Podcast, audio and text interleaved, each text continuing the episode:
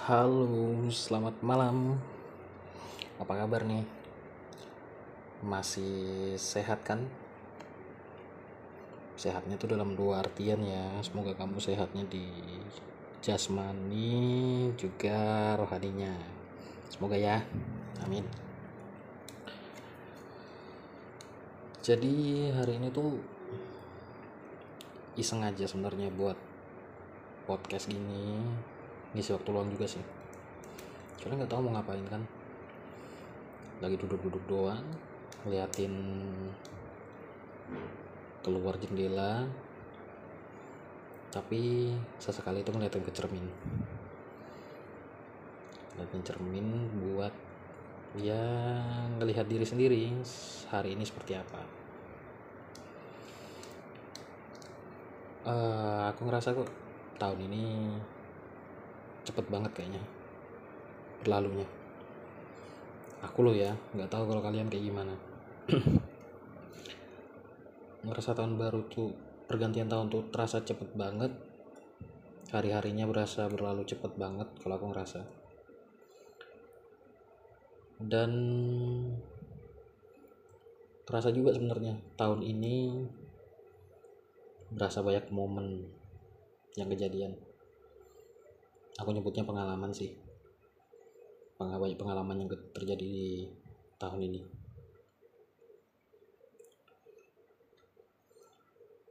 Untuk tahun ini sebenarnya berbeda.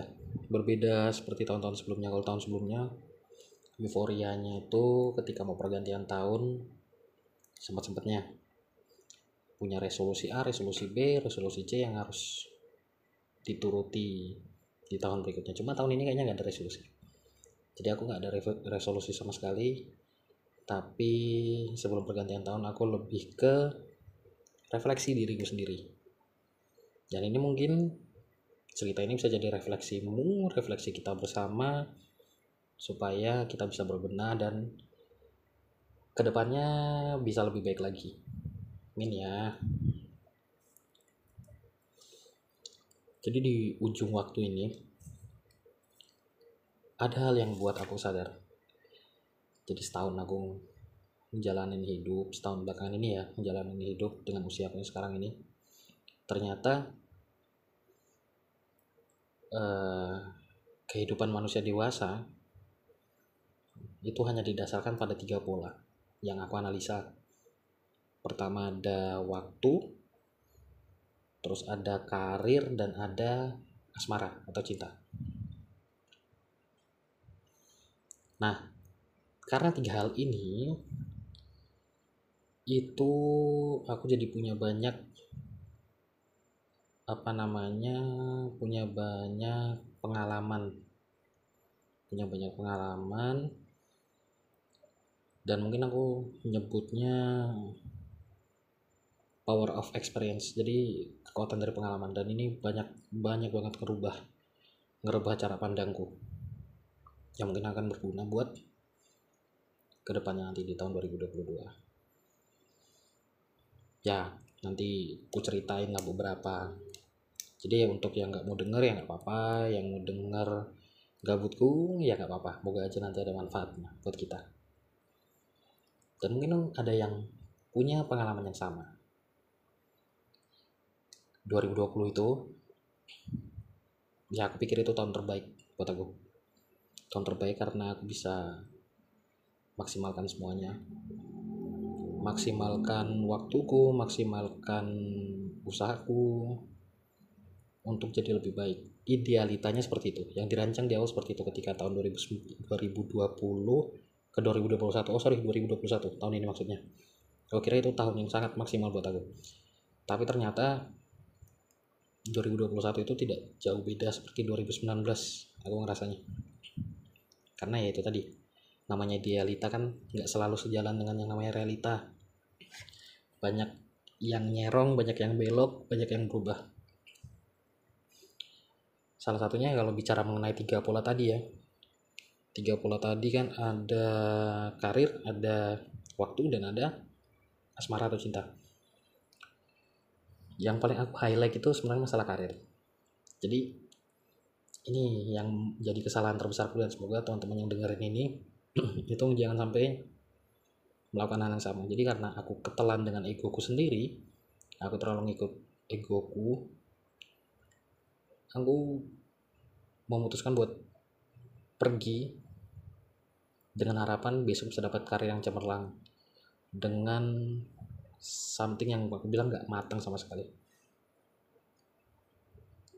kenapa aku bilang ego? Karena ya itu di, di luar ini ya di luar dalam pekerjaan. Ada intrik atau ada problem itu di luar itu. Yang yang lebih besar yang paling besar sendiri aku rasa adalah egoku. Jadi terlalu banyak orang-orang nggak terlalu banyak tapi banyak bukan terlalu banyak ya. Banyak orang-orang yang memang ada yang menuntut ada yang enggak banyak orang-orang ada yang menuntut ada yang enggak yang sepertinya harus aku uh, harus aku berikan pembuktian bahwa aku bisa. Sehingga aku pergi dari tempat kerjaku yang lama memutuskan buat selesai buat resign dari sana. Dengan yang dengan bekal yang aku bawa tidak terlalu banyak sebenarnya dikit. Akhirnya tawaran resikonya besar dan impactnya itu luar biasa. Kerasa banget effort yang aku rasain luar biasa juga sebenarnya di masa transisi. Antara kemarin ketika aku resign terus aku nganggur beberapa bulan menuju kerjaanku besok yang baru. Luar biasa effortnya. Tapi ya sebenarnya apa daya aku pun selain selain karena apa namanya selain karena selain karena emang egoku sendiri aku dihadapkan juga dengan pilihan yang sulit. Jadi ada dua pilihan bertahan dalam ketidaknyamanan atau mencari nyaman yang baru. Mulus atau enggak aku bilang 50-50 50-50 tapi ya itu itu resikonya. Waktu masih terus berjalan dan tahun ini pun aku masih ngerasain yang namanya umur bertambah usia bertambah.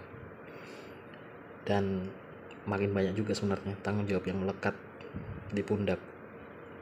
Tapi ada positifnya sebenarnya. Karena dari segala semua hal yang terjadi di tahun ini akhirnya aku tersadar ternyata perlu yang namanya memandang dengan dua mata tidak dengan satu mata. Perlu banget. Karena aku sadar mungkin dulu aku terlalu banyak memandang dengan satu mata terlalu banyak melihat hal-hal itu dan menyimpulkan mungkin secara pragmatis. Sampai akhirnya semua kesimpulan yang aku tarik itu nggak matang. Tapi di beberapa bulan terakhir coba cerna dulu coba cerna setiap apa yang aku lihat. Jadi gambaran juga jadi dua mata aku udah kebuka semua melihat mencerna lalu menyimpulkan dan ya aku bilang gak pragmatis dan ya beginilah hidupnya sekarang.